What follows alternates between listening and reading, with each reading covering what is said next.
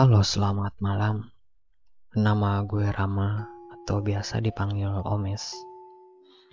Malam ini gue mau menceritakan pengalaman mistis gue tepatnya 7 tahun yang lalu. Saat itu gue masih bekerja sebagai teknisi handphone atau bisa disebut tukang servis handphone ya. Waktu itu gue masih tinggal di Bandung dan hari itu keadaannya seperti biasa aja. Gue bangun pagi, gue sarapan, dan seperti biasa gue berangkat kerja itu jam 8 pagi. Gue bergegas pergi agak terburu-buru karena pada waktu itu gue harus menyelesaikan satu handphone yang hari itu harus selesai. Singkat cerita, gue tiba di tempat kerja gue dan gue pun langsung mengerjakan pekerjaan gue. Ya seperti biasa aja normal. Gue bekerja dan gue juga ngobrol-ngobrol sama teman-teman di bengkel tempat gue kerja Ya, semuanya seperti biasa. Singkat cerita jam 7 malam harusnya gue udah beres-beres ya. Namanya juga kerja di bengkel. Gak harus 8 jam kerja. Tapi mendadak waktu itu ada customer datang dan meminta tolong untuk membetulkan HP-nya. Gue bingung di sisi lain jam kerja udah selesai. Gue mau balik karena ya agak sedikit gak enak badan mungkin karena kecapean tapi di sisi lain ya lumayan buat nambahin pendapatan gitu kan. Karena kerusakan handphonenya gue rasa nggak terlalu kritis waktu itu. Akhirnya gue terima dan gue sempet bilang bisa ditunggu dulu sebentar biar gue cek dulu handphonenya. Si customer tersebut mengiyakan dan mau menunggu. Lalu gue segera mengerjakan HP tersebut di ruang kerja gue dan ternyata di luar dugaan. Handphonenya malah ngadat yang harusnya 10 menit selesai. Ini malah seakan-akan kerusakannya parah. Dan akhirnya gue bilang ke customernya kalau handphonenya harus dirawat inap. Customer itu nanya kira-kira kapan selesainya? Gue jawab besok sore selesai. Dalam hati ya gue harus lembur begadang di bengkel biar bisa selesai HP-nya besok sore atau paling cepet ya siang dan akhirnya dia pun setuju. Setelah dia pergi, gue balik lagi ke ruang kerja. Jam udah menunjukkan pukul 8 malam ya waktu itu. Dan di situ sebenarnya masih ada temen gue yang lagi ngerjain handphone customer.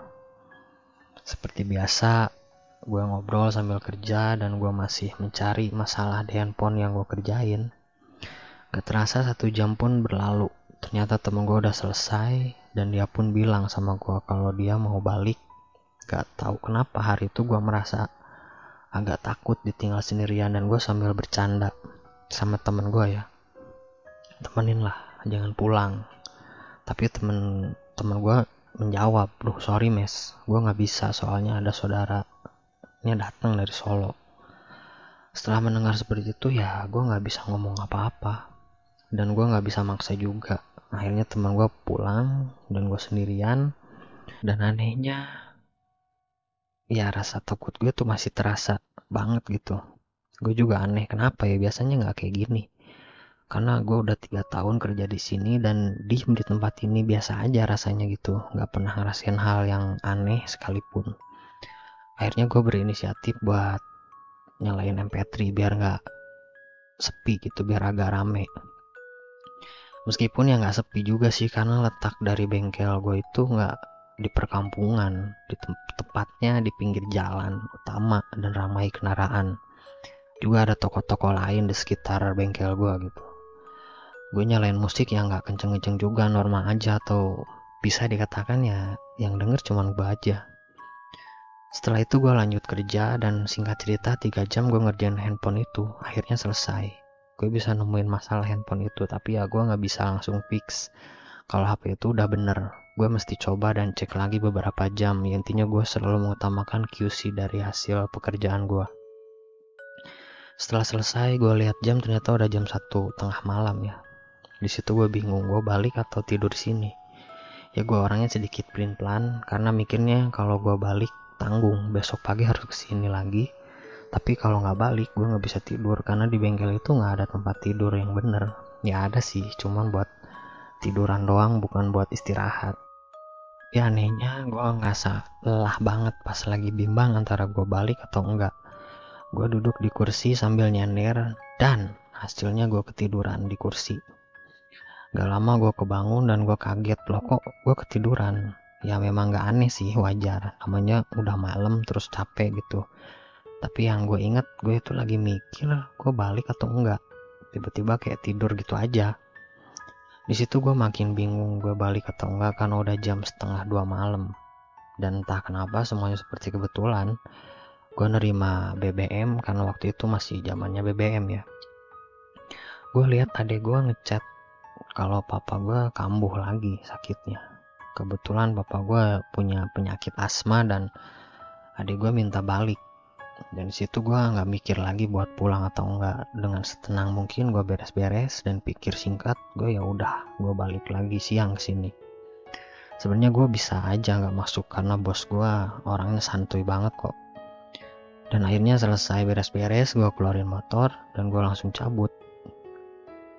Bengkel gue sama rumah ya nggak jauh-jauh amat. Lumayan lah butuh 30 menitan kalau ngebut.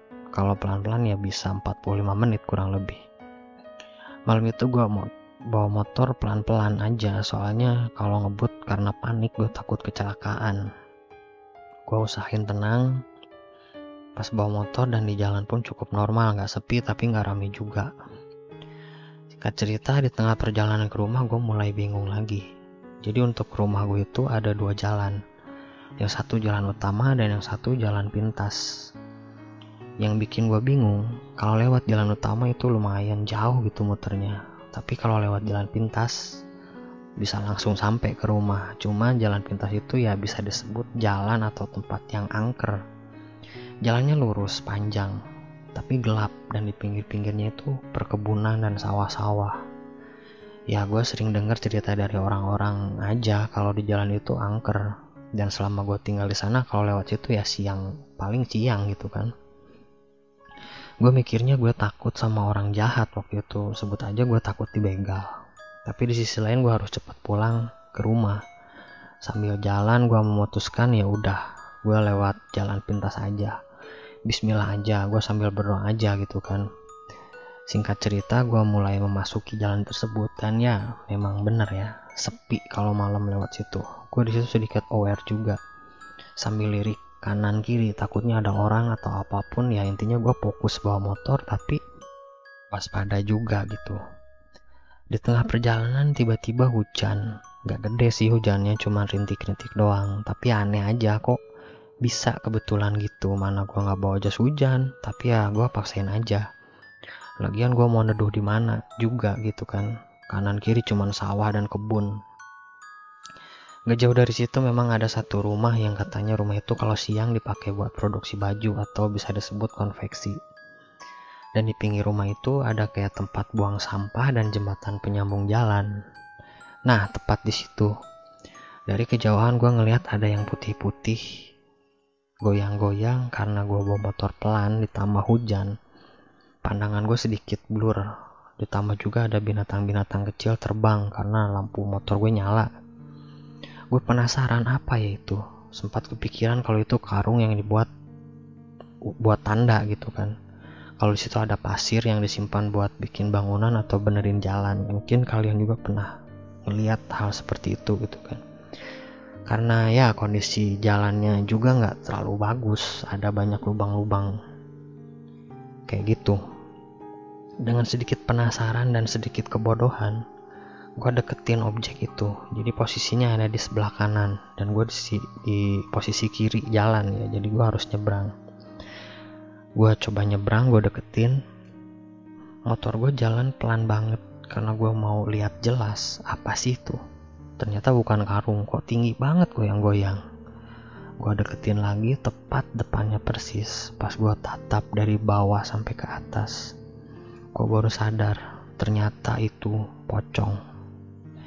Yang gue lihat mukanya itu hitam, rusak, matanya putih dan tercium bau bangkai yang sangat tajam gitu. Gue terdiam beberapa detik, kaget dan gak bisa apa-apa kayak bener-bener mati kutu.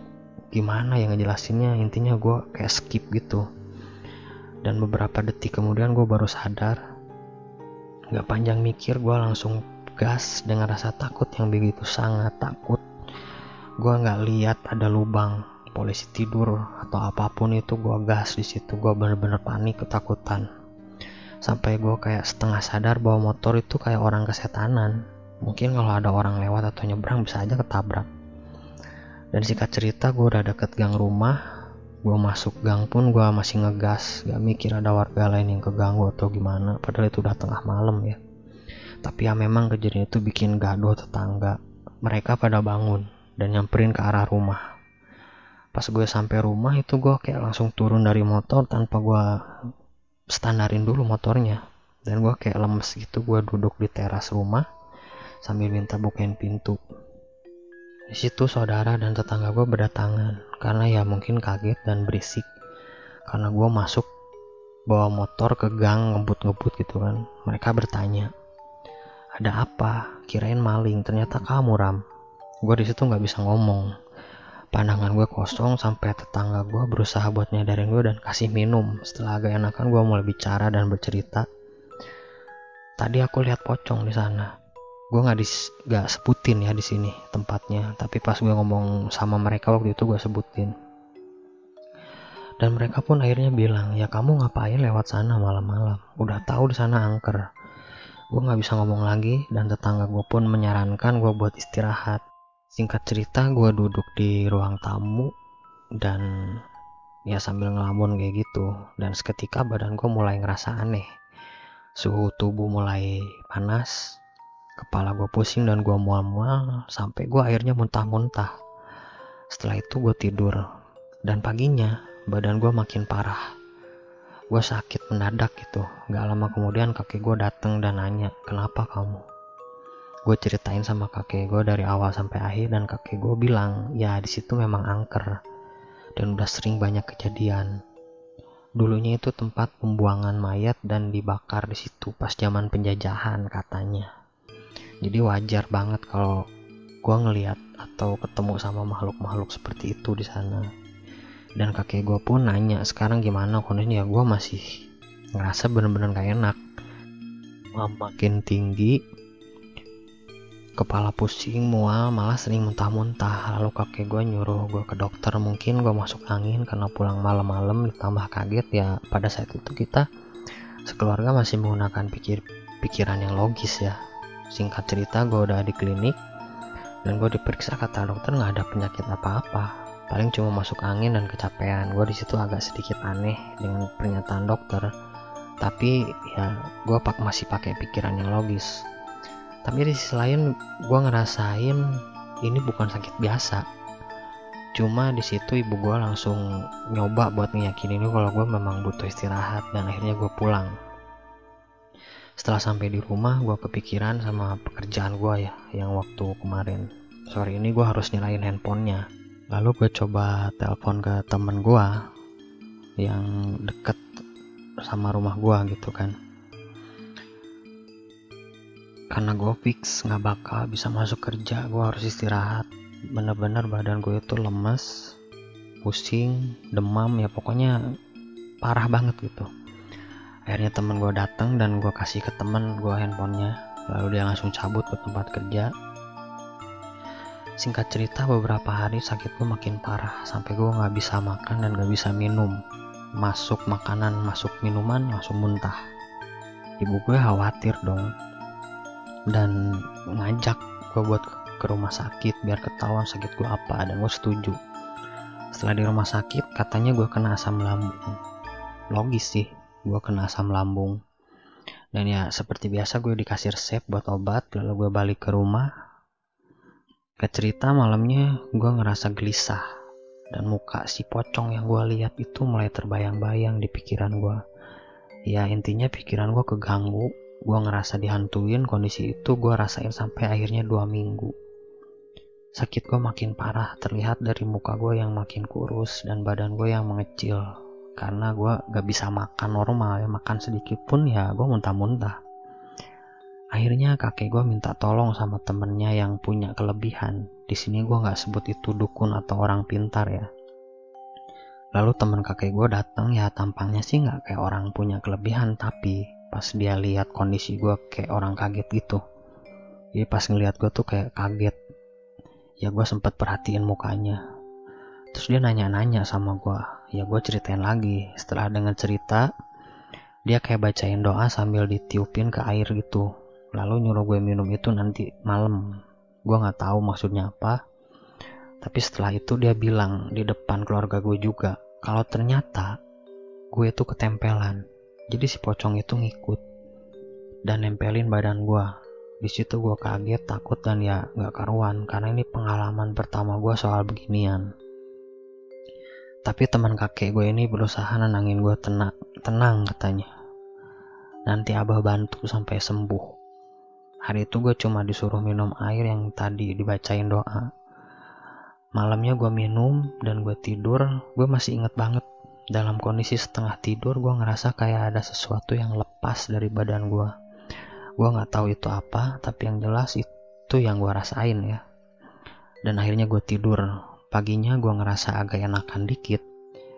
Dan gue ngerasa lapar banget. Gue minta bubur sama ibu dan pas gue makan gue terheran juga. Kok sekarang jadi bisa makan? Dan gak mual-mual lagi gitu. Kalau kemarin kan begitu masuk makanan tuh langsung mual langsung muntah jadi situ gue bersyukur alhamdulillah kondisi gue membaik. Siangnya teman kakek gue datang lagi untuk nanyain dan lihat kondisi gue dan gue bilang kalau sekarang udah enakan dan gue ceritain juga. Kalau tadi malam pas kondisi setengah tidur gue ngerasa ada yang lepas dari badan gue lalu dia bilang yaitu si pocongnya udah pergi. Lalu si abah ini pun bilang juga kalau nggak buru-buru diobatin, kamu bisa sampai meninggal. Ya maksudnya gua gitu kan. Karena tujuan dia nempelin badan kamu itu buat ngajak kamu biar ikut ke alamnya. Di situ gua kaget dong. Tapi ya ini jadi pengalaman buat gue juga. Kalau ternyata memang ada dan nyata gue alamin sendiri. Dan dari situ gue nggak bakalan pernah lagi lewat jalan itu. Mau siang, sore, apalagi malam. Oke mungkin itu aja cerita yang bisa gue share buat malam ini. Sorry banget kalau ada salah kata dan kurang detail ceritanya karena memang udah tujuh tahun yang lalu dan gue agak sedikit lupa. Banyak yang lupa sebenarnya kalau detail banget. Tapi ini bukan akhir dari pengalaman mistis gue. Setelah kejadian itu, gue ngalamin hal-hal yang lebih menyeramkan. Nanti gue pasti share pengalaman-pengalaman mistis gue. Terima kasih. Selamat mendengarkan dan jangan sendirian.